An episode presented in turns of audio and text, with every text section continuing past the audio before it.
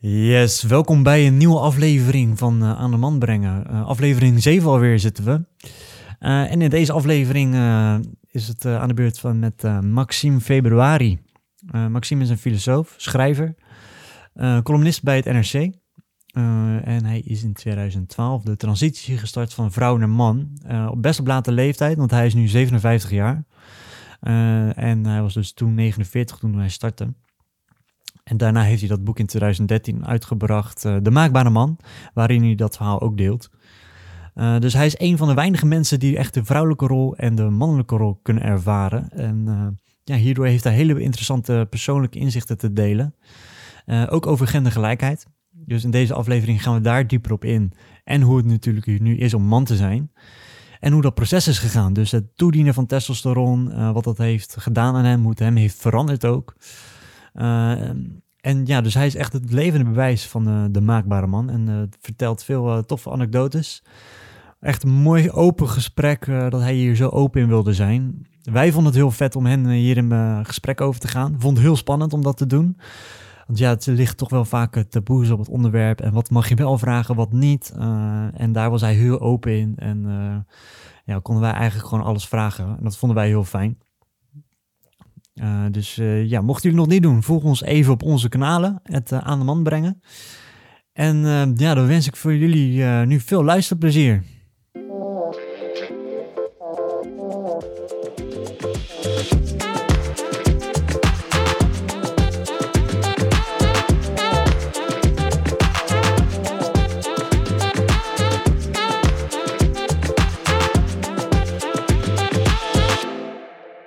Welkom, lieve luisteraars, bij weer een nieuwe podcast van Aan de Man brengen. En uh, ja, we zijn vandaag in de Betuwe in Buren, wel te verstaan bij uh, Maxime Februari. Bedankt dat we hier uh, mochten komen. Welkom. Um, zou je om te beginnen een korte introductie van jezelf willen geven? Oh, nou, daar overval je me ernstig mee, want dat is altijd nog best ingewikkeld. Hoe ouder je wordt, hoe langer het verhaal wordt natuurlijk.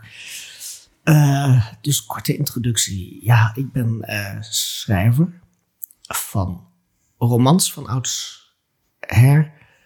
En vervolgens de kranten binnengekomen na het publiceren van de eerste romans. En uh, daarna columnist geworden. Eerst voor de Volkskrant, tegenwoordig voor de NRC, alweer langere tijd. Ik houd me veel bezig met het recht, met rechtsbescherming, met kunst ook wel, kunstbeleid. Uh, de laatste roman dateert van 2017. De laatste columnbundel van 2019. En daarvoor heb ik een boekje geschreven dat heet De Maakbare Man. En dat gaat over transseksualiteit. Naar aanleiding van mijn eigen transitie van vrouw naar man. Waarmee ik begonnen ben in 2012. En het boekje is van 2013. Ja. Dus dat is alweer een behoorlijke lange tijd geleden. Wat wil zeggen dat ik eigenlijk zelf het al wel weer vergeten ben, maar niemand laat het mij ooit vergeten, want iedereen wil er altijd over praten. Ja, hoe is dat om daar ook mee te beginnen? Dat was ook wel de eerste wat bij mij in me opkwam. Ik dacht van, oh ja, um, het is al wel eventjes geleden. Ik kan me voorstellen dat het misschien, uh, um, ja, dat je er ook niet meer over wil praten misschien. Nou ja, dat heb ik eigenlijk nooit zo heel erg gewild. Het is een persoonlijke beslissing, maar omdat ik uh, wekelijks in de krant schrijven, moest ik het daar natuurlijk wel aankondigen. Dus de foto moest anders, de naam moest anders. Ja. En het was in 2012 nog voor de grote host, dus er was eigenlijk helemaal niets over bekend. En dat wil zeggen dat iedereen uh, er van alles over wilde weten. En toen dacht ik, nou dan is het kennelijk mijn taak om dat te vertellen. Dat is ook een reden waarom ik dat boekje heb geschreven. Daarna, in 2014, werd opeens uh, internationaal, wereldwijd het een hot topic. En toen bleek ik er wat van te weten en erover geschreven te hebben. En sindsdien wissel ik er een beetje in. Soms houd ik het tijd af, omdat ik ook gewoon mijn leven wil doen en mijn werk heb. Maar tegelijkertijd denk ik, ik heb ook wel die rol in de maatschappij. En ik merkte de laatste tijd dat het onderwerp misschien niet eens meer zozeer uh, die transitie is, als wel een nieuwe belangstelling voor de rol van de man in de samenleving. Ja. Waarvan ik dan denk, ja, ik weet daar net iets anders van dan al die anderen. Ja, ja daar heb je wel een unieke kijk op. Uh, ja. Ja. Wat, ging er, ehm, wat ging er eigenlijk door je heen toen, toen je het mailtje eh, van mij ontving? Ook eh, met, met dit thema. Nou, eigenlijk van, oh, daar, daar heb, heb je het opnieuw. Want eh, er is best veel over te doen. Ik heb net vorig jaar, of dit jaar, vorig jaar denk ik, ehm, meegewerkt aan twee bundels over eh, de man. Eh, onder redactie van Maartje Laterveer was er eerst een bundel verschenen. Die heette Wolf. Met stukken van vooral vrouwen over de rol van de vrouw. Dat heeft enorm veel aandacht gehad en dat werd erg goed ontvangen. En toen heeft er eentje gemaakt over de man. En ik merkte, omdat ik eh, van de uitgever de reacties daarop binnenkreeg, dat het enthousiasme daarover aanzienlijk minder is. Mensen zitten daar een beetje mee wat ze ervan moeten vinden. Eh, er is ongemakkelijkheid rondom de man. Ja, En dat vind ik wel interessant. ja, dat vinden wij ook wel interessant. Ja. Ja, ehm, en als je, hè, want mannelijkheid, je zegt ook, eh, de rol is, eh, het gaat niet zozeer ook per se over die transitie, maar over ook de rol man-vrouw en over, eh, je, je zegt het ook mooi, eh seks en gender, dat verschil. Ja. Ehm, zou je daar je eigen kijk eh, al een beetje over willen geven? Wat dat, dan, wat dat verschil dan is? Ja.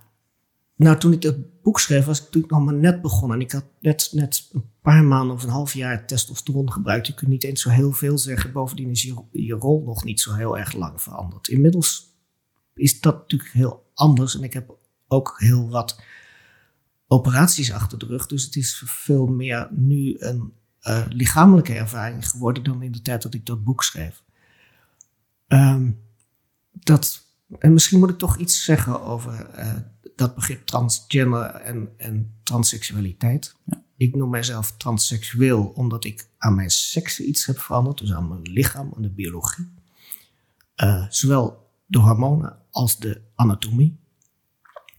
Eh, wat de laatste jaren heel veel in discussie is geweest, is het begrip transgender, wat eigenlijk voor een heel groot deel iets anders betekent. Namelijk dat er een grote groep mensen is ook die zegt wij hoeven helemaal niet iets te veranderen aan ons lichaam. We hebben geen persoonlijke problemen met onze seksen en met, met, eh, met de lichamelijkheid.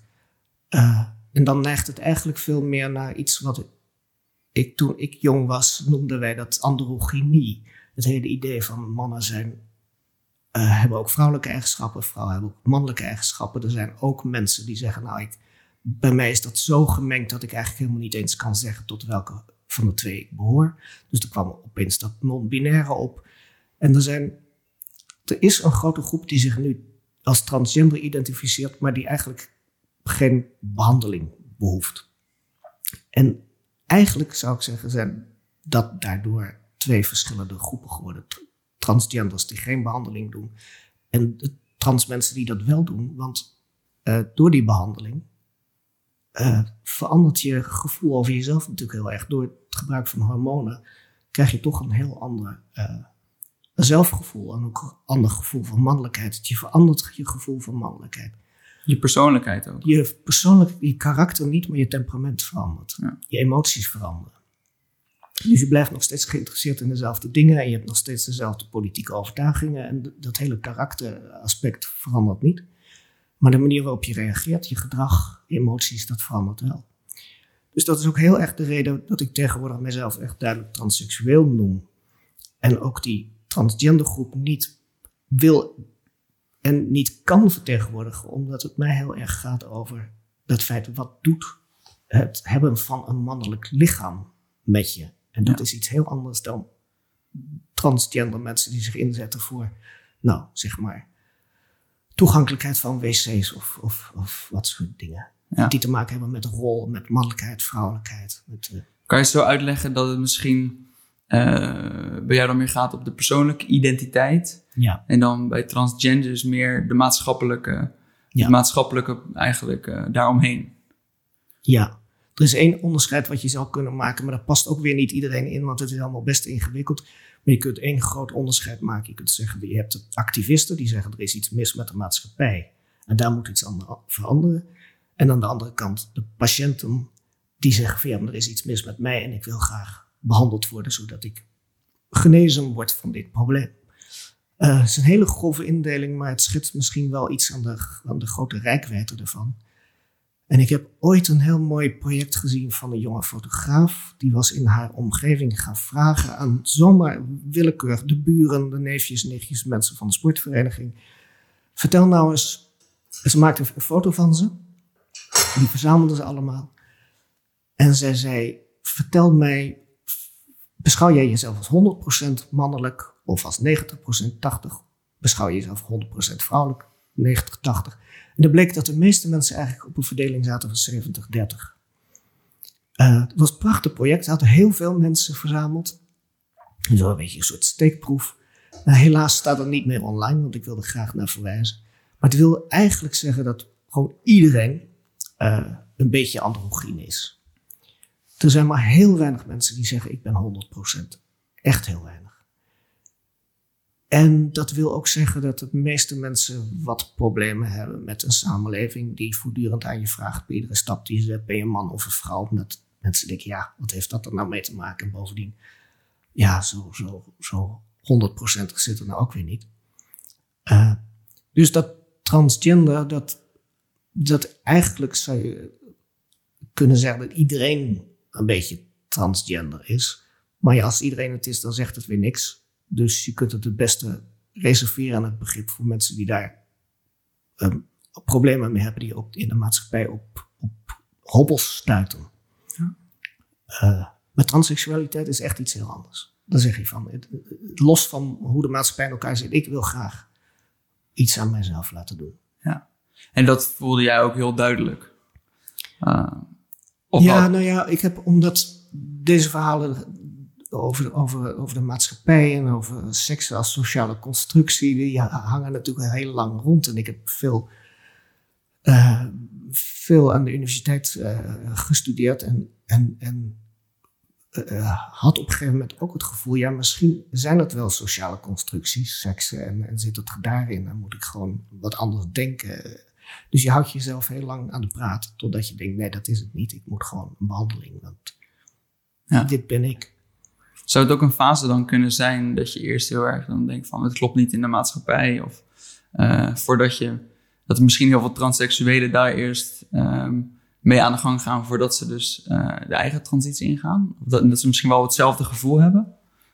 Ja, dat kan. Ik denk dat het andersom ook zo kan zijn. Dat je als je jong bent denkt van misschien is er wel iets mis met mij. En dat je gaandeweg leert van oh nee, ik ben het niet. Ik heb geen probleem. Maar het is gewoon uh, de rol die mij niet past. En dan, dan kun je leren als vrouw bijvoorbeeld een veel mannelijke rol aan te nemen. Dan hoef je helemaal geen behandeling te ondergaan. Maar dat, dat kan ook. Ik denk als je in de puberteit bent, begin je hiermee te zoeken. Ja. En daar kun je allerlei uh, richtingen inslaan die tien jaar later toch niet helemaal blijken te kloppen. Nee, nee. helder. En als het gaat over die rollen eh, en misschien de puberteit, wat waren bij jou dan de eerste ja, tekenen of eh, gevoelens over die rollen waarvan je denkt, nou, misschien uh, dat niet helemaal? Of. Nou, dat was eigenlijk veel eerder dan de puberteit. Dat was echt wel als klein kind en dat heeft het met kleding te maken. Dat je denkt, waarom moet ik meisjeskleren aan? Dat is raar. spelletjes. Ik, ik zat nog op de basisschool in de tijd dat je de jongetjes en de meisjes gescheiden handarbeid kregen. De jongens mochten gaan timmeren en de meisjes moesten breien. En dan denk je van ja, maar ik zit in de verkeerde groep. Nou goed, allemaal dat soort dingen. Maar dat hoeft niks te betekenen natuurlijk. Het kan ook, uh, ja, het kan ook betekenen dat je een mannelijk meisje bent of een, of een meisjesachtige jongen. Dat, uh, ja. Maar er waren. Uh, en maar dat, dat waren de eerste tekenen dus eigenlijk uh, dat, je, dat je je anders wilde kleden. Um, wanneer kwam er eigenlijk een, uh, werd dat gevoel eigenlijk duidelijker dat, er, dat, dat, dat, er, dat je echt iets met, dat, met die identiteit wilde gaan doen? Nou, toen ik een jaar of 13, 14 was, toen dacht ik, er is iets mis met mij. En uh, toen realiseerde ik me dat ik dat gevoel altijd had gehad, van er klopt iets niet. Maar in die leeftijd begin je na te denken over, over identiteit, seksualiteit. Dus toen dacht ik nog even, misschien ben ik lesbisch. En toen dacht ik een dag later, nee, dat is het ook niet. Maar ik wist nog steeds niet precies wat dat was, totdat je ergens zo'n begrip opvangt als, als transitie. Dat was aanvankelijk, toen ik jong was in de jaren zeventig, eh, eigenlijk nog helemaal niet bekend dat dat voor van vrouw naar man ook kon. Dus je zag eigenlijk alleen maar transvrouwen. Maar toch eh, interesseerde mij dat hevig. En nou ja, dat, dat blijft en je stopt het weg en dan komt het weer terug. Dus dat kun je heel lang volhouden, als je braaf bent. En in de tussentijd had ik wel besloten dat ik eh, in romantisch opzicht geïnteresseerd ben in vrouwen. Dus daarmee was ik in de ogen van anderen lesbisch, maar ik heb mezelf nooit zo genoemd. Omdat ik dacht, ja, dat, dat, dat is het niet. En ik her- herkende dat ook niet bij anderen. Eh, maar goed, zo heb ik dat, die rol heb ik heel lang volgehouden tot mijn 49ste. En toen alsnog in transitie gegaan. En dan, eh, nou goed, dan, dan duikt de mannelijkheid echt op. Want met, met hormonen en, en operaties is dat, eh, is dat plotseling een heel nieuw, nieuw soort van gevoel. Hoe voelde dat om die keuze uiteindelijk te maken? Van oké, ik ga dit nu echt doen. Ehm, nou, ik had het mezelf eigenlijk altijd beloofd. Ik dacht, ik, ik doe het nog eens een keer. M- Maar toen met het, ehm, met het ouder worden, het naderen van de 50, er gingen heel veel mensen in mijn omgeving dood rond die leeftijd. Toen dacht ik, stel voor dat ik nou ook binnenkort dood ga, dan zou het nog wel erg zonde zijn als ik dat nooit gedaan had. Ja, dat is het raar. Er zijn mensen die, die het alsnog doen als ze 72 zijn en horen hebben gekregen dat ze doodgaan. Dan denken ze van, zo wil ik niet doodgaan. Dus zo erg is het soms wel. Zo hevig. Ehm, dus dat, het was een soort noodzaak ook wel een inlossen van oude beloften en schuld aan mijzelf.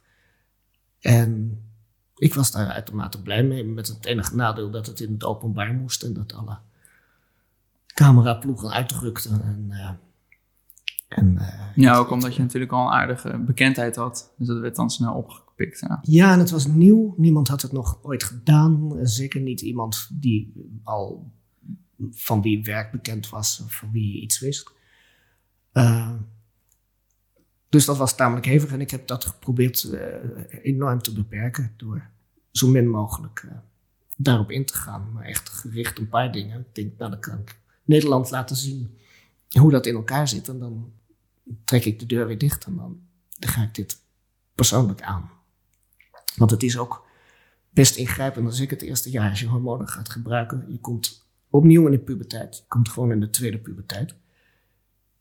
Dus je bent een soort ongeleid projectiel, eh, een puber. En intussen moet je een hele, hele verantwoordelijke rol spelen in de samenleving om iedereen netjes hier doorheen te loodsen.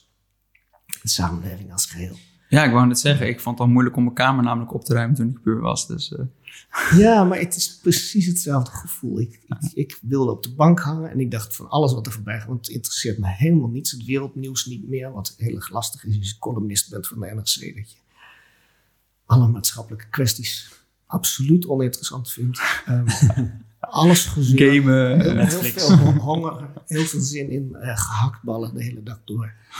Ontzettend veel honger. Nee, ja, allemaal dat soort dingen. Libido stijgt tot eh, onacceptabele hoogtes. Eh, je bent gewoon in de puberteit. Ja. En dat app dus ook na verloop van tijd wel weer weg. Eh, maar ik heb heel veel mensen gevolgd, met name in de, in de Verenigde Staten, waar dat allemaal iets eerder was. Dus toen ik begon, was er in Nederland vrijwel nog niemand die online zijn transitie vastlegde. In de Verenigde Staten wel in Engeland. Dus ik heb daar heel veel mannen en jonge jongens gevolgd. En die zeiden eigenlijk allemaal hetzelfde. Eh, vooral degene uit de feministisch-lesbische hoek. Die zeiden van, we hebben vroeger mannen ontzettend kwalijk genomen. Dat ze zo de hele dag door aan seks denken. Maar ja, nou begrijp ik het wel. Met die, met die testosteron is dat gewoon zo. Ja. Dus eh, je ziet heel veel mensen opeens anders gaan denken over testosteron. en nou is het wel zo dat die enorme piek daarvan verdwijnt na verloop van tijd. En na een aantal jaren leer je ook daarmee om te gaan. Ja. En de hevigheid ervan verdwijnt. Maar ik heb wel tegen heel veel vrouwen in mijn omgeving gezegd over hun zoons. eh, ja, besef wel wat dit aanricht. En dat je Er gebeurt echt iets. er gebeurt echt iets. Ja. En ik was inmiddels 50 en dan ben je verstandig. Maar als je 14 bent en het overkomt je, dan heb je toch net iets minder levenservaring. En dan moet je daar ook maar mee eh, zien Ja. door de dag te komen. Dus eh, En wat zijn nog meer dingen die, die je merkt op het moment dat je aan testosteron dat bewust tot je nam? nou, wat, wat een groot verschil is, is dit dat de vrouwelijke hormooncyclus is echt een maandcyclus, zoals wij allemaal weten.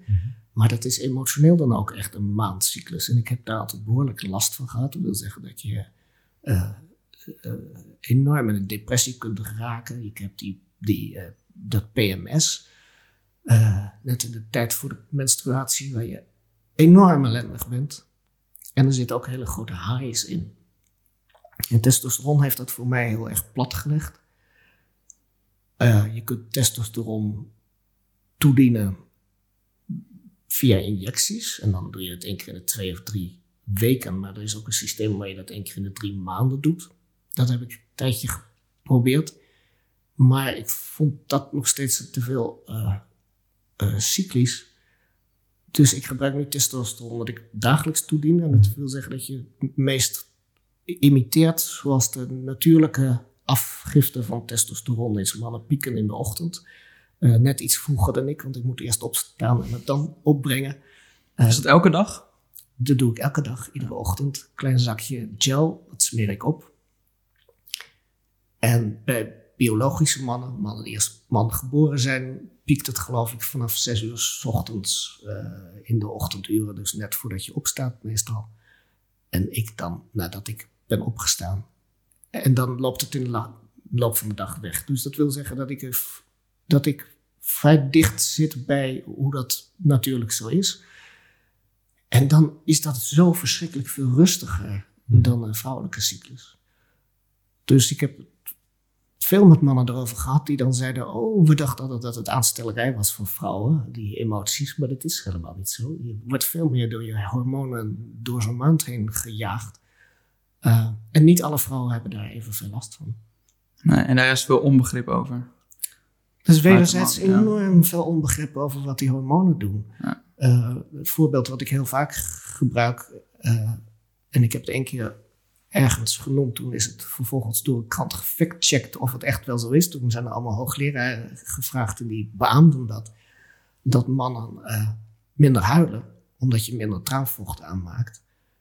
En eh, ik merkte dat heel sterk. En heel veel mannen die ik, van wie ik de verhalen heb gezien, merken datzelfde binnen een paar maanden. Dat je niet meer kunt huilen. Ook niet bij een film als het mooi wordt of gevoelig of wat dan ook. Je, je huilt gewoon niet meer. Maar ligt dat dan aan de, aan de heftigheid van de emoties? eh, Nee, of dat aan is het echte fysiologisch. traanvocht? Ja, beide waarschijnlijk. Eh, maar ook wel de emoties. En ik heb heel veel mannen gehoord die zeiden dat ze het erg misten. Omdat ze het altijd heel prettig vonden om eventjes iets weg te huilen. Ja. En ook dat is individueel verschillend. Er zijn transmannen die nog steeds wel huilen. Maar ik moet zelf... Ja, nou was ik nooit zo heel erg huilerig. Maar toch wel veel meer dan nu. Ja. Heel veel meer. Ja. En als je dat vergelijkt met hoe gevoelig je bent? eh, Ook dat is minder geworden. Dat is, eh, en, en ook daar zijn heel veel mensen die dat missen. Ik zelf niet. Ik vind dit wel prettig. Maar je wordt wat onverschilliger. Hm. Ja, voor dingen die gebeuren. En daar had ik altijd wel, wel veel last van. Eh, S S'nachts in bed liggen en dan de hele dag doornemen. Denken, oh wat is er gebeurd en wat vond die daarvan en hoe voelde die zich. En dat is echt veel minder geworden. je piekert minder eigenlijk. Ja. Ja. Nee, gewoon minder empathisch vermogen. Wat, Nee, ik weet niet wat het, dat is het niet. Dat geloof ik niet.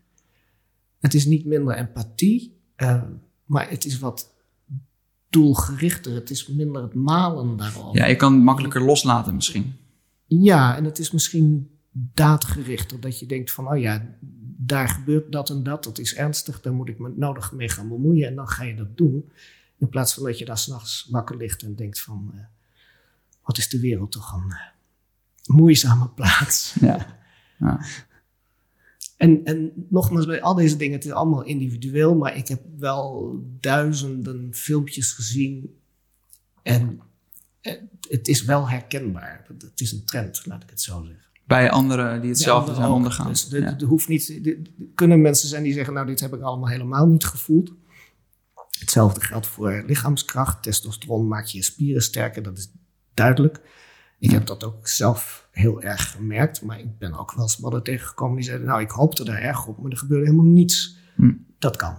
Ja. En, uh, en, en, en spiergroei in, bij natuurlijke geboren mannen is natuurlijk ook nogal verschillend. Hetzelfde Ja. geldt voor alle genetische kenmerken. Er zijn mannen die geen baard hebben en er zijn mannen... Nou goed, Ja, er zitten ook verschillen tussen mannen, ja. er zitten heel veel verschillen in, maar goed, statistisch gezien is dit zo. En, en, en je kunt het wel merken als een groot verschil. Die, eh, ja, toch wat, wat fladderiger emoties bij vrouwen.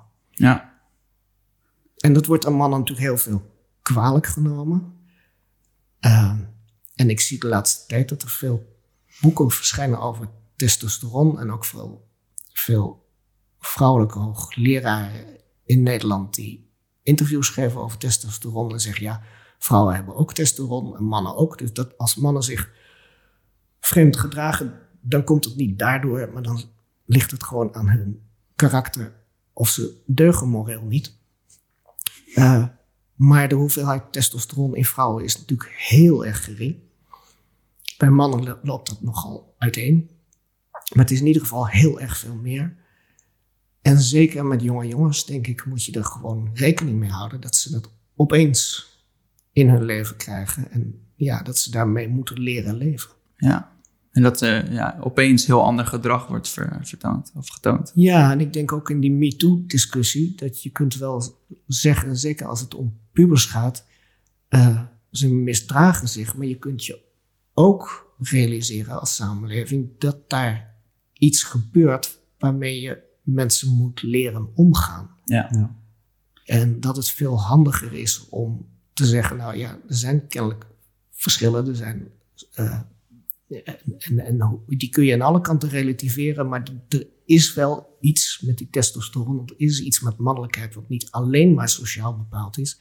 Laten we er eens naar kijken wat het is en wat je, er, wat je ermee kunt om dat een beetje fatsoenlijk. Ja, in de ontwikkeling eigenlijk helpen. Ja. Uh, het is ja. wel grappig, want we hadden een gesprek met een seksuoloog en die heeft wat zedendelicten gedaan bij jonge jongens bijvoorbeeld ook.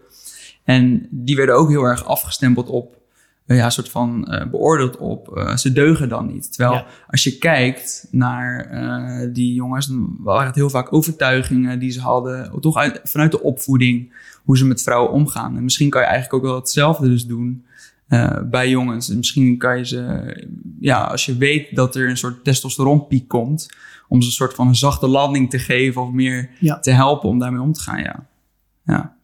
interessant. Ja. En hetzelfde geldt voor meisjes, dat dat er niet wordt gezegd, meisjes stellen zich aan. Nee, die hebben gewoon last van een hormooncyclus, waarbij je af en toe op dagen echt het behoorlijk lastig hebt. Ja. Dat je het biologisch uitlegt. Ja, ja. ja. Dus ik vind het heel onverstandig van een bepaalde hoek binnen het feminisme om, om dat volledig onder het tapijt te vegen, want het verklaart heel veel. En het zou, denk ik, ook binnen huwelijken voor mensen heel handig zijn om te weten dat daar gewoon een verschil is. Ja, ja. en wat dacht je ook nog op werk? Ja. Uh, ja. Uh, in op kantoor, zodat je weet, uh, oké, okay, die vrouw zit nu daar. Ja. Dus we misschien anders mee om kunnen gaan. Ja.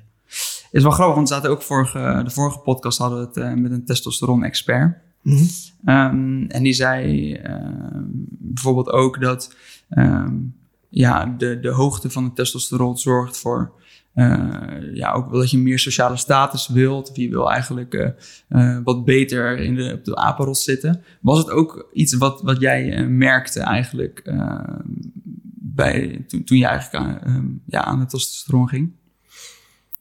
Nee, dat... dat Alle daadkracht. Ja, bepaald soort, maar raar soort lichamelijke daadkracht. Ik heb helemaal in het begin parkeerde ik mijn auto in Amsterdam en toen reed een jongen daar nogal woest tegenaan. En ik sprong mijn auto uit en ik sprak hem daarop aan. En ik dacht achteraf, nou, dat was uitermate onverstandig. Was En dat had ik, ook, had ik nog nooit gedaan. Ehm, eh, dat soort van, van directheid en ook, ook fysieke eh, confrontatie zoeken, dat, dat was nieuw. Maar ik heb dat niet in, in werk gehad, helemaal niet. Bovendien was ik ook nogal carrièregericht daarvoor. Hmm. Eh, dat is bepaald niet meer geworden. Ik zou zelfs bijna zeggen minder. Wat ik dan weer verklaar door het idee van, nou ja, ik ben iets, eh, iets eh, rustiger geworden door, door gelukkiger te zijn. Dan hoef je ook niet meer zoveel van jezelf verder te laten zien, maar dat, dat, dat weet ik niet. Maar dat effect heb ik in ieder geval niet gehad. Ik een soort Nee. En zelfvertrouwen? alpha man ben geworden. Zelfvertrouwen, nee.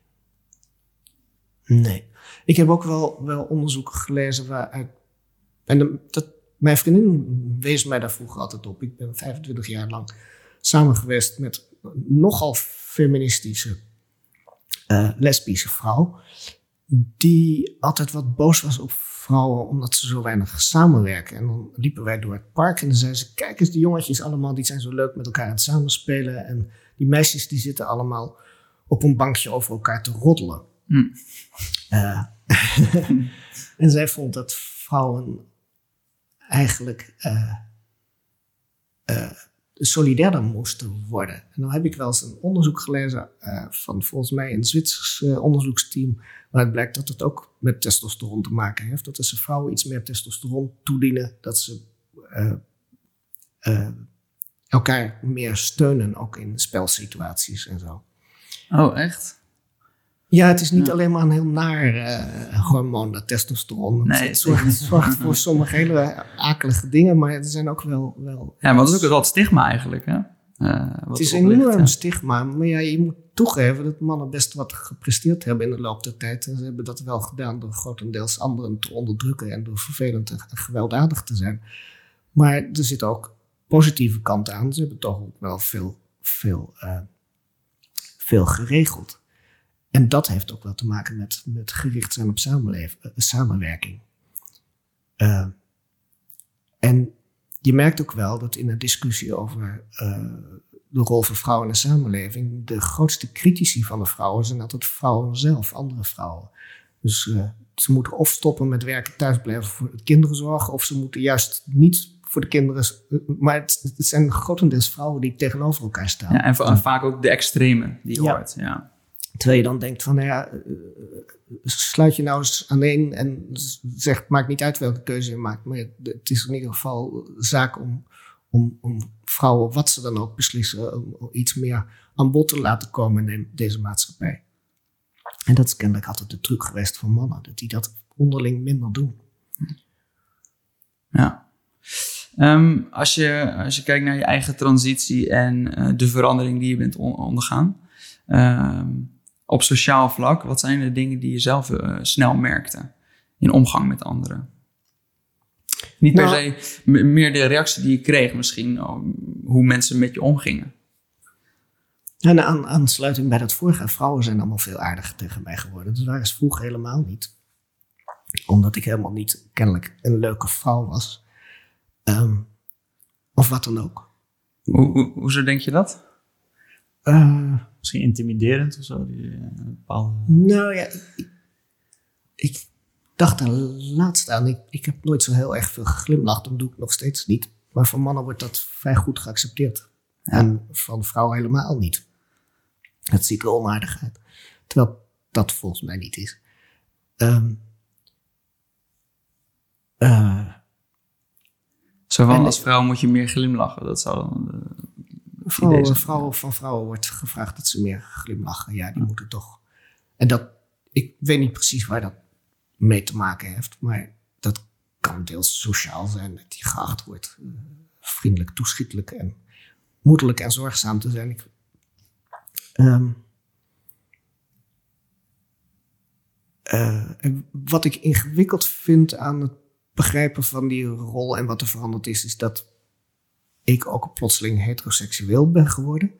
En dat heeft mijn leven misschien nog wel meer veranderd, omdat je opeens in een heel nieuw spel terechtkomt, wat ik daarvoor niet kende. Ik had vroeger natuurlijk wel eens mannen op mijn pad die dachten dat ze charmant moesten doen, maar dan gaf ik ze dan meteen vrij af en dan was dat probleem ook weer opgelost. Uh, en ik heb altijd goed met mannen overweg gekund. Maar nu is er uh, plotseling uh, een hele nieuwe wereld open gegaan. Je weet helemaal niet dat er zo ongelooflijk geflirt wordt tijdens vergaderingen en zo. Ik stond altijd voorkomen buiten. Want, um, je nam niet deel aan? Ik nam er geen deel aan. Er zijn heel weinig lesbische vrouwen op deze wereld. Dus die kom je even zelden tegen. Als je er één keer per jaar in tegenkomt, moet je die meteen haast wel leuk vinden. Want anders heb je je kans, ben je kans alweer uh, kwijt. Dus er gebeurt nooit zo heel erg veel. En, en dat valt mij wel op. En dat maakt ook wel dat ik veel gesprekken heb gehad in de afgelopen jaren rondom de MeToo-oprisping uh, over de rol van vrouwen daarin. Want ik vind vrouwen ook best nogal initiatiefrijk in sommige gevallen waar ik verbaasd over ben. Het zijn niet alleen maar mannen die voortdurend uh, vrouwen lastigvallen. Vrouwen uh, doen zo ook hun dingen. Um, Kun je een voorbeeld noemen wat, je dan, wat, wat, je, wat dan opviel in een bepaalde situatie? Waar je dacht, hé, hey, dat, dat had ik eigenlijk nog nooit zo uh, gezien.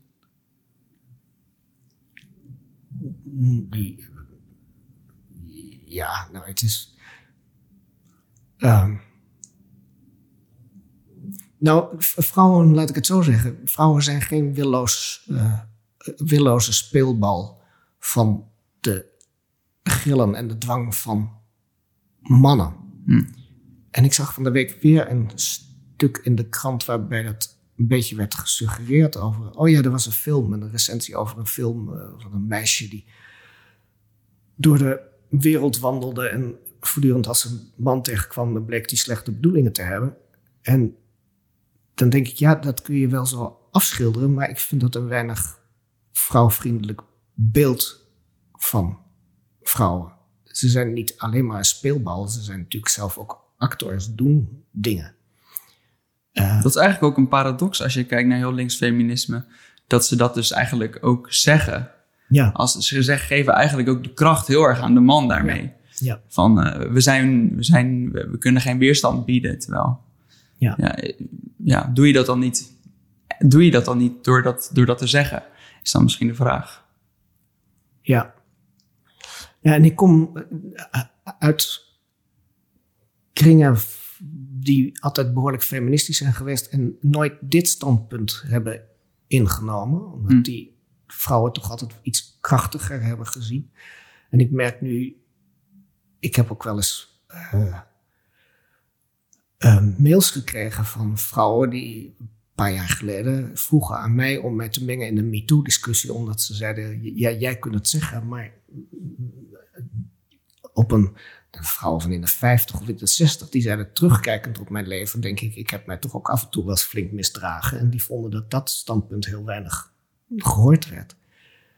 Uh, en nu het onderwerp opnieuw in discussie kwam, was het misschien door vrouwen die net te jong zijn om vanaf afstand naar hun eigen rol te kunnen kijken.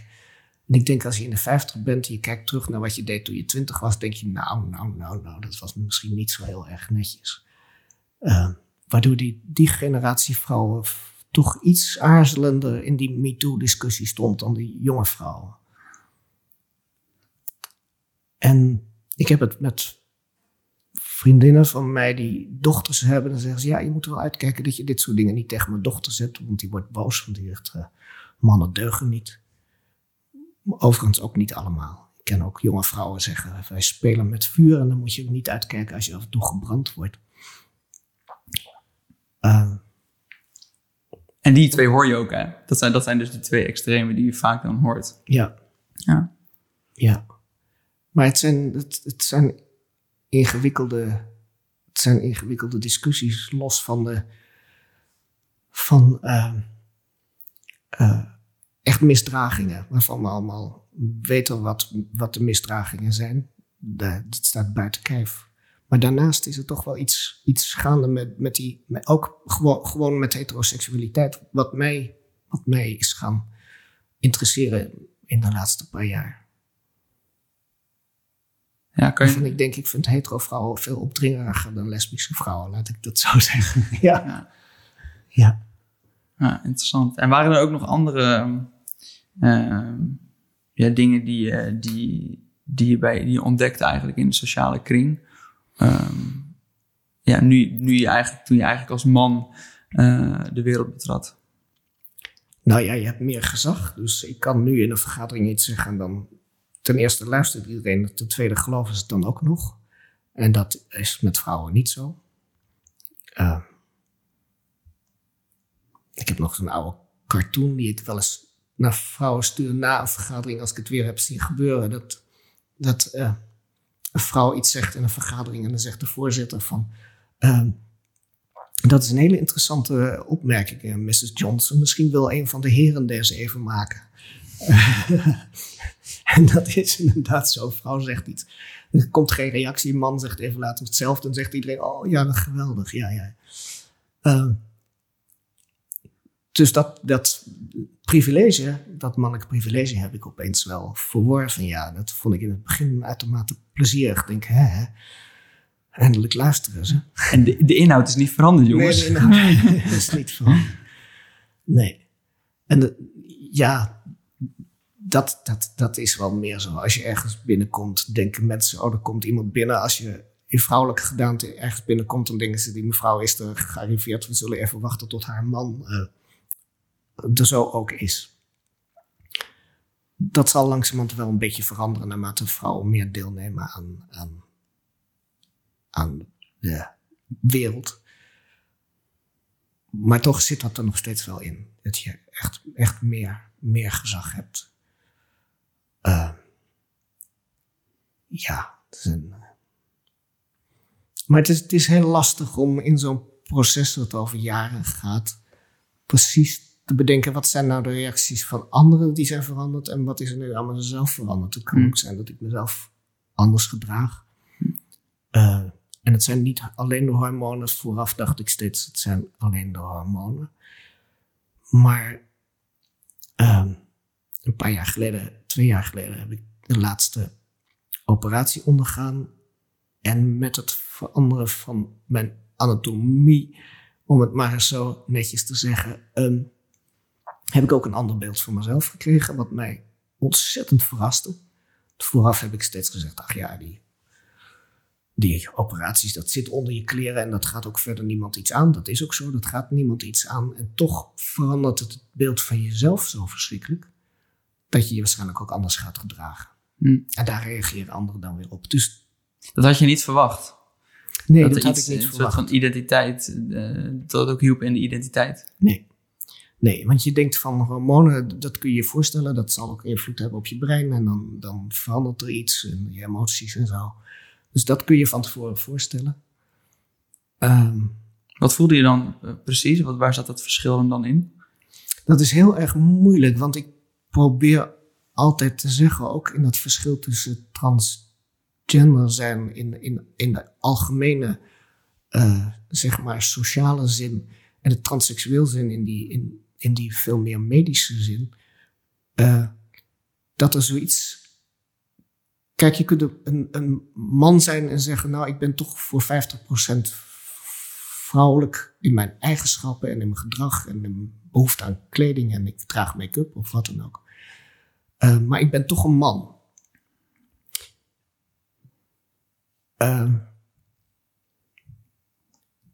en de crux is, ik heb dat woord geleend van seksuoloog Hirschfeld, het woord geschlechtszugehörigkeitsgevoel. Het gevoel dat je tot een bepaalde sekse behoort. En de meeste mensen hebben een geschlechtszugehörigkeitsgevoel.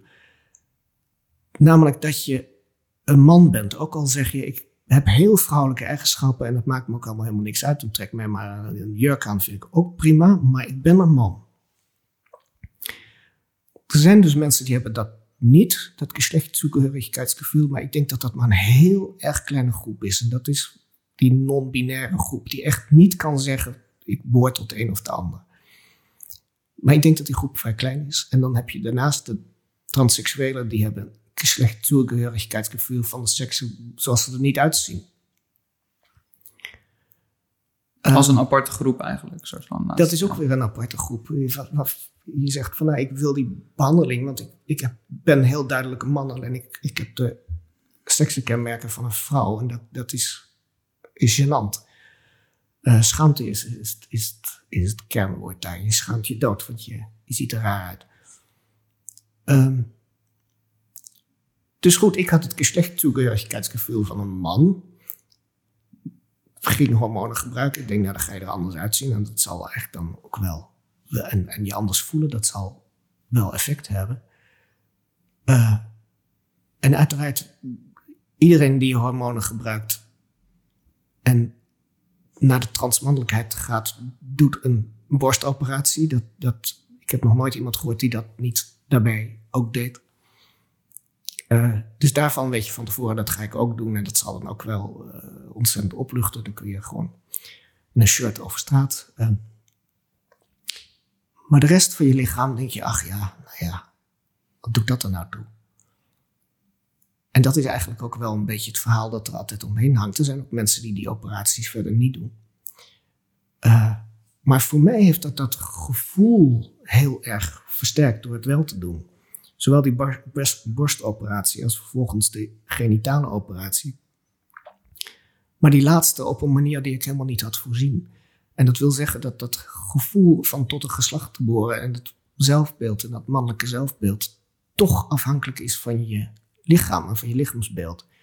En omdat ik zo opgevoed ben in de jaren 70, 80, eh, waarin werd gezegd alles is sociale constructie. Iets wat nu ook weer sterk opkwam. Het is allemaal sociaal bepaald en het gaat maar over je rol en het gaat maar over je gender en niet om je seksen.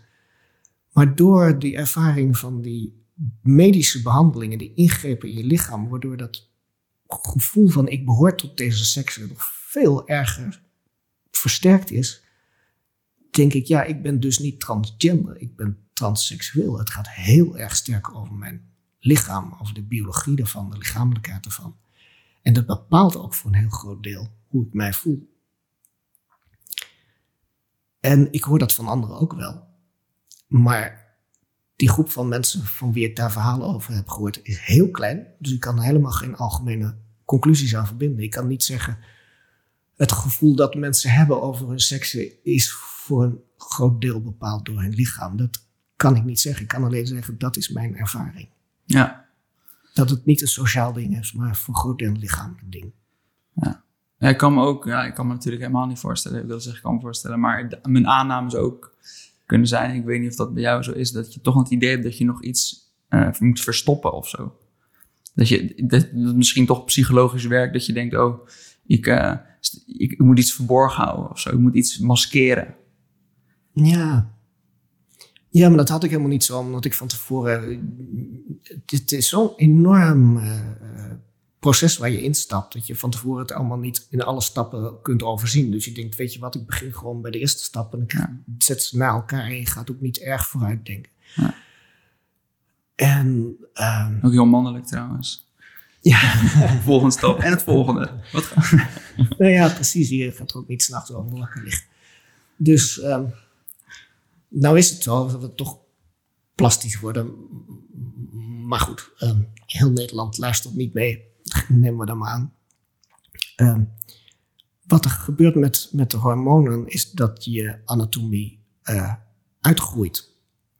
Je, genitale anatomie. Eh, in embryonale staat is er nog geen verschil tussen eh, jongens en meisjes die eerste weken. Dat is nog niet bepaald. Dus dat wil zeggen dat je de anatomie van je genitaliën, die kan beide kanten op. Dat wil zeggen dat, dat het eigenlijk gewoon in oorsprong hetzelfde is.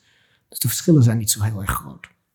Dus als je testosteron, testosteron gebruikt, dan gaat, krijg je in feite een groei van een penis. Dus dat wil ook zeggen dat het niet hetzelfde blijft. Je loopt niet Nee. rond met het idee van Zonder operatie verandert zonder er ook wat van ja. ver- verandert er veel. Dus je loopt nooit rond met het idee van, van het is nog bij het oude. Ehm, en op zich vond ik dat ook een hele interessante gewaarwording, omdat je daardoor heel erg realiseert en ook kunt zien dat het in feite precies hetzelfde is. Alleen bij de mannen zitten genitaliën naar buiten gegroeid, bij de vrouwen zijn ze naar binnen gegroeid. Het is precies hetzelfde, alles is in spiegelbeeld aanwezig. En ik vind, en dat is, gaat een beetje in tegen die gedachte dat uh, wij allemaal hetzelfde zijn. Ik vind, en ik hoor dat van anderen ook, dat je genitaliën aan de buitenkant hebben, is een heel andere ervaring dan ze aan de binnenkant hebben. En dit is natuurlijk een heel ontzettend raar verhaal. En dat ga je niet allemaal met elkaar in talkshows zitten doornemen. Maar. Er zijn ook maar heel weinig mensen die die ervaring beide hebben. Ja. ja. Uh, maar iedere keer als ik weer iemand hoor zeggen van ja, in feite is het natuurlijk biologisch helemaal geen verschil, mannen en vrouwen. En ze moeten zich maar hetzelfde gedragen. denk ik, ja, maar ook in seksueel opzicht en het gevoel daarover is het gewoon een heel ander gevoel. Ja, ja ik, uh, de Dick Swaap heeft er ook in zijn boek uh, Wij zijn ons brein mm veel stukken over geschreven. Dat ook gewoon voornamelijk, uh, dat ook in hersenen stoffen zitten die dat ook wel bepalen en het gevoel geven. Of je een man bent of vrouw bent of waar je in voelt. Er staat ook een verhaal in over een, uh, over een jongen, volgens mij was het een Turkse man, die geboren werd en, en nog, ze konden nog niet bepalen of er was iets, maar uh, of het was een man of een vrouw, maar het ging kon beide kanten op. Ja. Uh, dus toen hebben ze daar de keuze gemaakt bij de geboorte, oké, okay, uh, we maken er wel een vrouw van. Of een man van, ik weet het niet meer precies. Door middel van een operatie? Oh, door middel van een operatie. Ehm, en dat uiteindelijk toch bepaald heb dat hij uh, daarna op een volwassen leeftijd toch de keuze heeft gemaakt van ja, maar ik voel me zo helemaal niet. Um, dus die is uiteindelijk nog een geslachtsverandering ondergaan om zich toch meer te kenmerken met wat hij voelt dat, het echt, is, dat hij echt is. Ja. Ik zal de, de, de, de, pagina wel vinden, de show notes erbij zetten voor het exacte verhaal. Maar ja. ja, hij kan wel mooi, ook in dat, in dat boek staan wel mooie thema's in dat het wel meer is dan, we zijn allemaal hetzelfde. Ja. ja.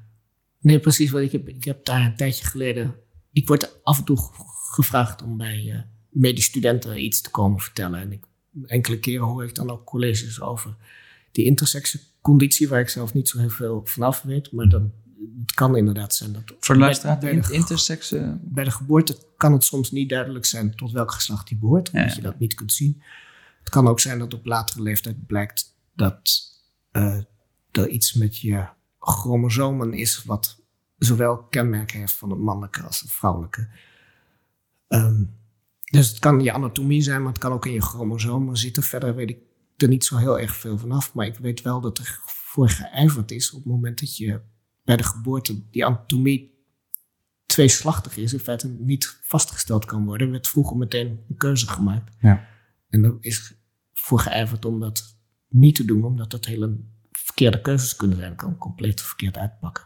Ja, ja precies. Ja. Uh, als je uh, want je ging transitie en je, had een vriendin. Um, hoe stond zij, zij erin? Want zij werd ook ineens hetero. Je... Nee, dat is de misvatting. Als, als ik iets met mezelf doe, dan, dan, dan verandert ja. Aan een ander niks. Dus die bleef gewoon lesbisch. Ja. ja. Uh, en ik ben het nooit geweest. En dat is iets wat zij altijd ook wel geweten heeft. Mm. Dus dat was het probleem niet los van het feit dat ze dat wel wist, stelde ze dat over mij ook wel vast. Als je iemand goed kent, dan merk je dat ook wel.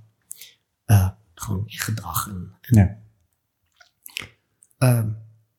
maar partners veranderen er niet door. Uh, nou was zij heel ruimhartig, dus ze had ook wel eerder een, een contact gehad met een man. Uh, maar natuurlijk zijn die, die, die verhoudingen, die moet je dan weer helemaal opnieuw uitvinden en, en ontdekken. En bij sommige mensen uh, lukt dat wel en bij anderen niet. Dus er zijn relaties die om die reden beëindigd worden. Uh, bij ons was dat niet zo. Die relatie werd beëindigd omdat zij stierf. Uh, en ik weet niet wat er anders gebeurd zou zijn. Maar er zijn relaties die dat heel erg goed overleven. en ook eh, eh, mensen die al hun hele leven in een heteroseksuele relatie zitten, waarvan de man opeens transvrouw blijkt te zijn en die bij elkaar blijven, waardoor zo'n aanvankelijke echtgenoot ook niet plotseling lesbisch is geworden. Want dat is nog nooit in haar hoofd opgekomen. Ja. Maar er zijn relaties die dat heel goed overleven. Dat er maar net vanaf wat je verder met elkaar hebt. Ja, ja, ik kan me ook wel voorstellen dat het in de, de mannelijke energie, vrouwelijke energie natuurlijk ook heel veel doet. Want jij Ja. kreeg echt natuurlijk testosteron, dus je temperament werd je ander. Dus het moet ook wel wennen zijn geweest natuurlijk. Ja, dat zijn natuurlijk dingen die heel, eh, heel ingewikkeld zijn. Maar aan de andere kant, ehm, zoals mijn vriendin in tijd blij uitriep, dan gebeurt er tenminste weer eens wat. Ehm, je kunt ook denken van, oh nou, spannend, eh, kijken wat dit oplevert, wat, het, wat het is. Eh, ja, dat, dat, dat hangt er maar helemaal vanaf. En je kunt ook heel lang omwille van zo'n relatie of omwille van wie dan ook om je heen denken van ik doe dit allemaal maar niet. Totdat je denkt van ja, ik kan niet, niet straks mijn graf ingaan en dan voor iedereen beleefd zijn geweest. En, eh, en, en toch het leven als mislukt beschouwen wat het wel geweest zou zijn als ik dit niet gedaan had. Ja. Ja, zijn er ook eh, mensen in eh, die, daar, die dat ehm, niet konden accepteren of die daar echt moeite mee hadden? Uiteindelijk in je sociale omgeving is die heel erg veranderd. Nee, nee, helemaal niet met sociale omgeving. Nee, nee. Heel veel mensen die, die ik goed kende, die zeiden: Oh ja, nou ja, dat, dat is ook maar goed dat je dit doet ook, want het is veel beter. De energie klopt meer. Ja. Ehm, mensen die zich echt helemaal niet verbaasden daarover. Eh, ik heb één boze brief gekregen van een mevrouw die de NRC leest. En die vond dat ik dit niet openbaar had moeten maken, omdat het sensationeel was. Dus heb ik teruggeschreven, ja, dat is toch best lastig als mijn naam verander. Dan zal toch iets aan uitleg moeten, moeten geven. Eh, dus dat was één boze brief. En ik heb een enkele keer, maar dat is uit de, zoals dat tegenwoordig heet, de LHBT-gemeenschap zelf. geërgerde post gekregen, omdat ze zeiden van ja, voor jou is het allemaal lekker makkelijk en voor anderen niet. Maar ja, ehm, ten eerste is dat niet zo. Dit in het openbaar doen is niet zo heel erg fijn. Dat doe je liever niet. En ten tweede kun je daar verder niet zoveel aan doen. Ehm, Ja, dus de reacties waren eigenlijk... eh en verder we- we- we- viel, geen dat, enkel- viel je dat mee? Of? vind ik geen enkel probleem. Hmm, Ja, dat. Nou, ik had eigenlijk wel helemaal niet verwacht dat de mensen daar tegenin eh, gaan. Kijk, als je, als je 15 bent en je besluit zoiets, dan is het natuurlijk veel lastiger. Omdat mensen dan denken: van weet je het echt wel zeker en ben je nou niet zomaar wat aan het Is het geen fase? Is de fase, dat kan ik me ook heel goed voorstellen. Ja. Daar moet je natuurlijk heel veel voorzichtiger mee zijn. Maar als Ja. iemand zijn vijftigste ermee ja, wat moet een ander daar nou nog mee? Dat, eh, dan, dan is dat gewoon zo. Het enige is dat, dat eh, iedereen er wel heel nieuwsgierig naar blijft. Dus je blijft eigenlijk voortdurend in een gesprek en uitleggen. En dat is prima. En een heel enkele keer is dat net iets minder prima. Dat ja, nieuwsgierigheid loopt soms heel erg hoog op. Ja. En dat wil zeggen, gewoon als ik ergens op een receptie ben, in gesprek met iemand, en dan word ik aangesproken door iemand anders die ik ook niet ken, en die in de eerste zin daar iets over wil vragen, dan denk ik, nou, dit gaat me net iets te snel. Maar Ja, ja, eh, het is eigenlijk het enige wat ik eraan merk, waarvan ik denk van, dat zijn de momenten waarop ik het minder leuk vind. Ja, oké. Ehm, en in de dynamiek met eh, bijvoorbeeld vrouwelijke vrienden en mannelijke vrienden die, je die je had hebt eigenlijk. Wat zijn daar eh, dingen die, die je zelf hebt gemerkt? Die, in die dynamiek? Interactie misschien? Ja, nou ja, dat, goed, dat, is, dat stof is inmiddels natuurlijk ook wel weer neergeslagen. In het begin heb ik een paar vrouwen gehad die zeiden: Ja, ja, ja, we weten niet of we jou nou nog wel kunnen vertrouwen. Wat ook een interessante. Zo, heftig statement.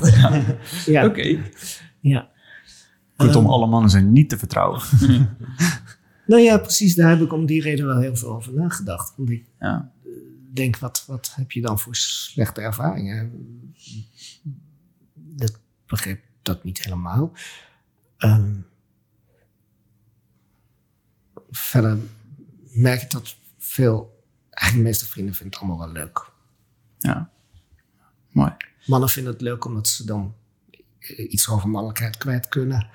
En vrouwen vinden het leuk omdat ze opeens denken van, oh, die is misschien toch wel leuk. Ja. Vond je het zelf moeilijk, die, die rol, eh, nee, die verschuiving in je rol, eh, daar, dat een plek, eh, daar een weg in te vinden?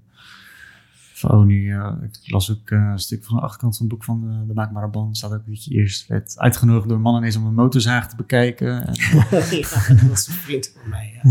ja. Nou ja, dat, dat heb ik wel. Als ik hier in huis, als de, de klusjes moeten, dan moet ik er altijd iemand bij halen. Dan denk ik, zo'n man die zal voor mij ook wel denken van, kun je dat zelf niet? Maar ik weet dat er inmiddels dat er heel veel mannen zijn die dat niet kunnen.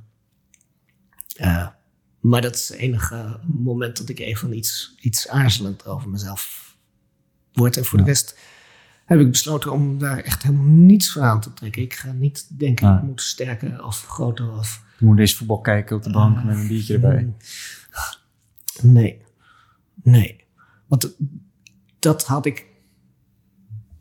Kijk, ik heb natuurlijk een hele leven gehad binnen dat lesbische, waarin daar best veel in een omgeving ook over wordt gepraat. eh, Over rollen. Ik heb al- alle boeken enzovoort ook wel gelezen. Dus je laat dat idee van mannelijkheid en vrouwelijkheid wel heel snel los. En ik heb inderdaad gedacht, het gaat om het gevoel dat je tot de seks behoort en niet over mijn enorme mannelijkheid. Ik hoef niet plotseling eh, een super voorbeeld van mannelijk zijn- te zijn, want dat heeft er niks mee te maken. Nee. Nee.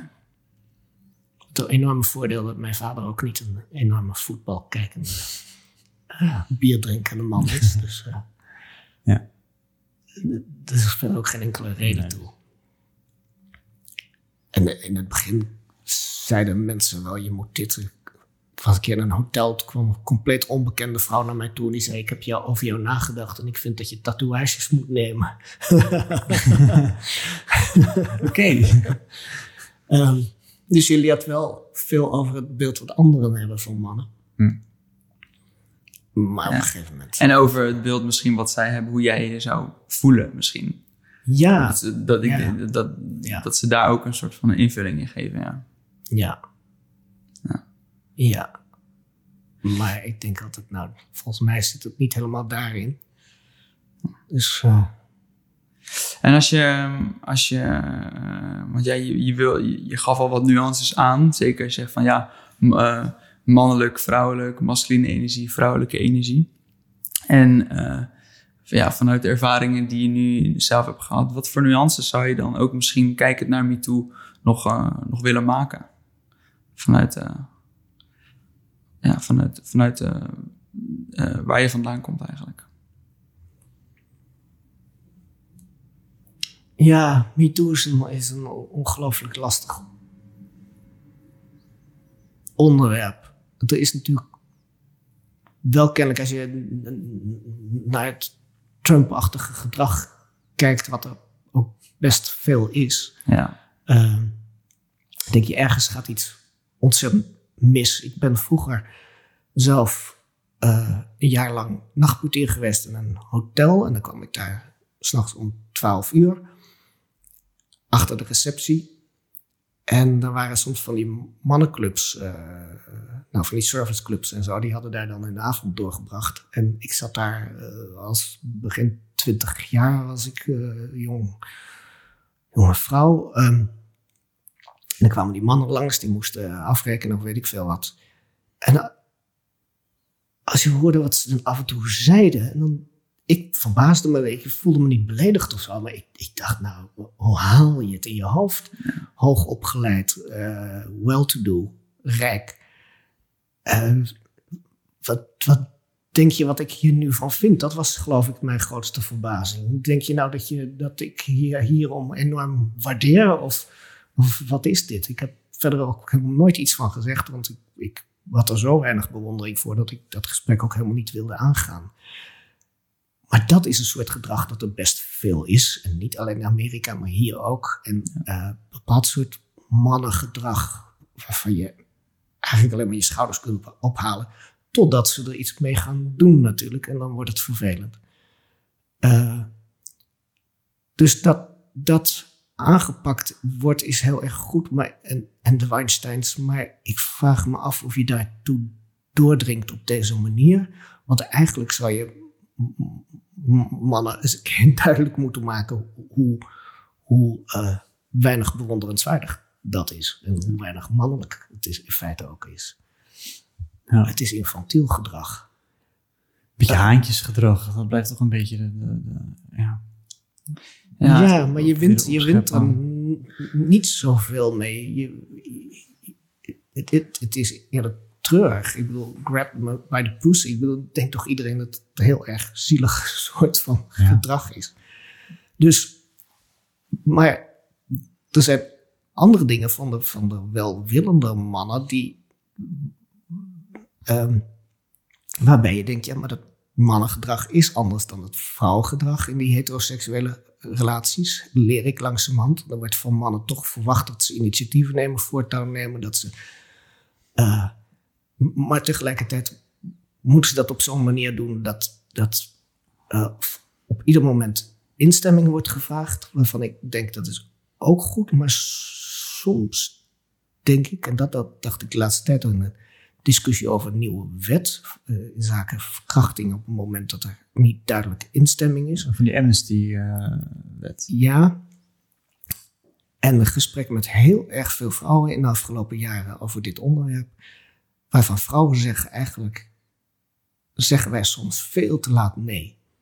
En dus je laat iemand veel te lang in het idee van, er gaat nu iets gebeuren. En, en uh, dat is iets waar veel vrouwen zich over schamen, waar ik mezelf ook heel erg over schaam, over mijn gedrag in het verleden. Omdat ik helemaal niet geïnteresseerd was in mannen. Maar altijd dacht van ja, misschien moet ik dan toch eens een keer iets doen. Uh, nou goed, in dat uitzoeken over jezelf. En dan veel te laat zeggen, oh ja, by the way, ik doe het toch maar niet. Uh, is ook niet zo fraai. En, en die wet gaat er natuurlijk over dat, uh, dat je eens echt instemming moet hebben. Ja, uh, ja. ja. je moet verbaal. In, verbaal instemming hebben. Um, en dat is allemaal goed en aardig, maar dat zijn juridische kwesties en dat is om, om, om verkrachtingen te voorkomen. Dat is prima, maar in het sociale gesprek erover, de verhoudingen tussen mannen en vrouwen, denk ik dat dat punt van vrouwen, en daarom krijg ik daar post over, omdat ze hopen dat ik het punt maak, omdat ik degene ben die dat zou kunnen doen. Ja, ook um, vanuit juridisch oogpunt natuurlijk. Ja. Nou ja, om, om, om allerlei redenen, dingen ja. schuiven het lekker naar hem af. Maar, um, Los jij het even op, Maxime? ja, ik heb ook in zalen en zo pracht gesprekken hierover gehad, vrouwen en mannen, waar het opeens heel erg intiem werd en, en, en, en eerlijk en, en leuk. Maar dat is iets waarvan vrouwen zeggen: van ja, wij, wij doen dat soms veel te laat. Ja. Ja. En, uh, ja, ja, ik vind het ook wel een, een inderdaad. Het, het, is, het is ook moeilijk te controleren, zo'n wet. Uh, ja. Ja, je, overal instinct op, op op vragen. Uh, het, het, is ook een heel groot stuk non-verbale communicatie. Ja. En spel. En het hoort ook bij het spel. Ja. Het wordt ook wel heel plastisch allemaal als het, ja. uh, als het op die manier... Uh, kunnen we beter eigenlijk gewoon alleen maar blijven swipen de hele tijd. Dat je daarmee instemt. en dat er verder geen gesprek meer uh, aan te pas hoeft te komen. ik, ik zag, je hebt in de, in de serie New Girl... Uh, dat was op een gegeven moment een scène dat ze heel jong zijn en dan naar de eerste keer gaan en dan zijn ze heel conservatief en dan vraagt de jongen, mag ik niet dit doen? Ja hoor, mag ik niet dit doen? Ja hoor, mag ik niet dit doen? Ja hoor. En dan echt bij de vijfde keer, mag ik niet doen? Oké, okay, doe het nou maar gewoon. dat je daarin ook wel toch wel weer van die initiatief, ja, uh, dat ook wel ergens weer fijn is. Het is inderdaad gewoon een spel, maar die, die wet, ja, uh, het lijkt mij lastig dat je dat... Ja, wel een soort opwinding weg, eh, ja. kan ik me voorstellen. Ja. Dus het is, het is een groot grijs gebied waar je ook nog mee zit. En ja, ik, ik, ik snap heel goed dat mensen altijd die instemming willen. Hmm. Alleen het aflezen uh, en het echt zeggen, erom vragen, wat wordt daar verwacht? Ja, ja, ik denk, ik ben is daar, hier, hier heb je papiertje, wil je uh, hier tekenen? Uh, lijkt een beetje op waar het naartoe gaat. Natuurlijk is dat het niet, maar Tekeningen erbij. ja. je hebt niet echt ja gezegd. Ja. Ik heb laatst in de krant geschreven, ook om die reden, dat, dat ik merk, ik, ik krijg dat heel veel van vrouwen te horen die tegen mij zeggen, je moet veel opdringeriger zijn. Dat is de klacht van vrouwen over mij, die vinden mij te weinig opdringerig. En, eh, want die moeten dan zelf dingen gaan doen, terwijl ze eigenlijk vinden dat ik dat moet doen. Maar goed, ik vind die dingen ook lastig, omdat ik uit een soort van respect en denk ik wil met tes- testosteron nou ook niet vervelend worden en zo.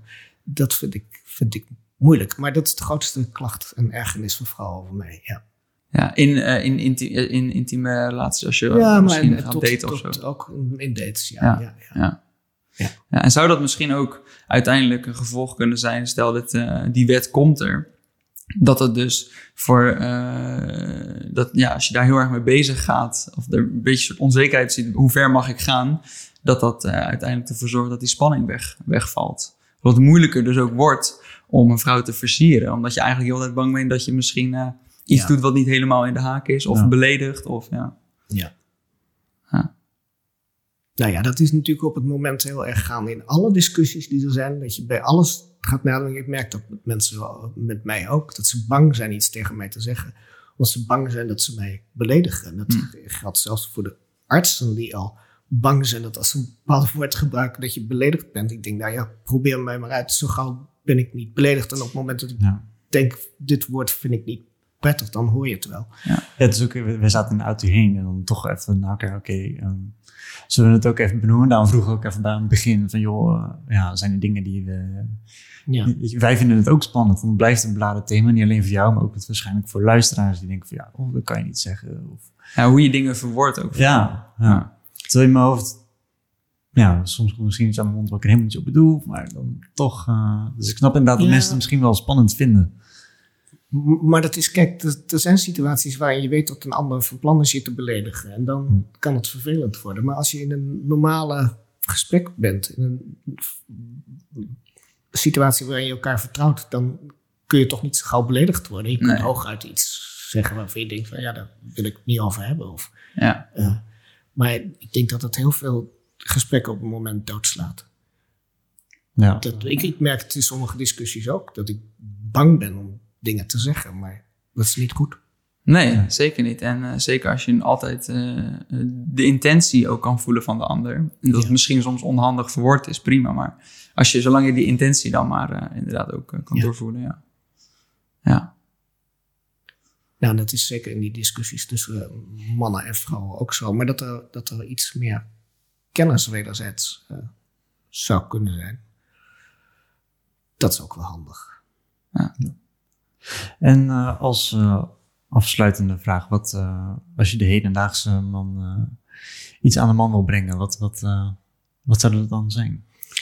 Nou, ik vind in deze discussie die nu gaande is over de rol van de man. eh, eh, de aardige, weldenkende mannen iets te snel een terugtrekkende beweging maken. En zeggen: Nou ja, wij deugen ook niet en we hebben het altijd verkeerd gedaan. En weet je wat, eh, we laten nu de ander aan het woord. Terwijl ik denk: Ja, maar je moet gewoon nu op zoek naar hoe doe je het dan wel met al je eigenheden. En met die rol van die mannelijkheid. Die, en het lichaam van een man, waarbij alles net iets anders is dan bij dat van een vrouw. En, en ja, wat, wat, omarm dat ook. ja, Ja. omarm dat ook. En, en eh, eh, wat ik krijg af en toe, nou dat was vorig jaar denk ik, een paar keer een petitie om te ondertekenen vanuit allerlei mannenbewegingen die ik ook niet ondertekend heb, omdat ik het veel te eh, schuldbewust vond van mannen waarvan ik denk, nou volgens mij heb jij echt nog nooit ergens schuldig aan gemaakt, dus waar voel je je dan schuldig Ja. over? En dat er probleem is in de samenleving, dat is tot daar en toe. Maar ga dan nadenken over hoe je je wilt gedragen. Maar zeg niet, eh, wij eh, geven het op en we geven nu het woord aan vrouwen. Waarbij het ook zo is dat ik veel aan universiteiten kom, veel jonge vrouwen spreek, ook in de literatuur veel jonge vrouwen spreek, die zich zorgen maken over hun mannelijke eh, medestudenten of eh, ik hoorde laatst bij een universiteit waar de net afgestudeerden zeiden, alle plaatsen, stageplaatsen en weet ik veel wat voor plaatsen en beurzen, die zijn zo opgesteld dat eigenlijk alleen nog de vrouwen ze kunnen uh, verwerven. En daar maakten de vrouwen zich zorgen over. Er zijn, Ja. er zijn opleidingen waar geen, geen mannelijke student meer te vinden is. Nou, die zitten allemaal wel weer ergens anders.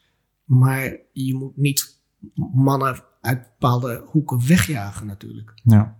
En eh, het is altijd hollen of stilstaan in de maatschappij. En ik ben al twintig jaar columnist en ik probeer al twintig jaar hollen of stilstaan te vermijden. Hm. Omdat je niet van de ene ellende in de andere moet gaan schieten.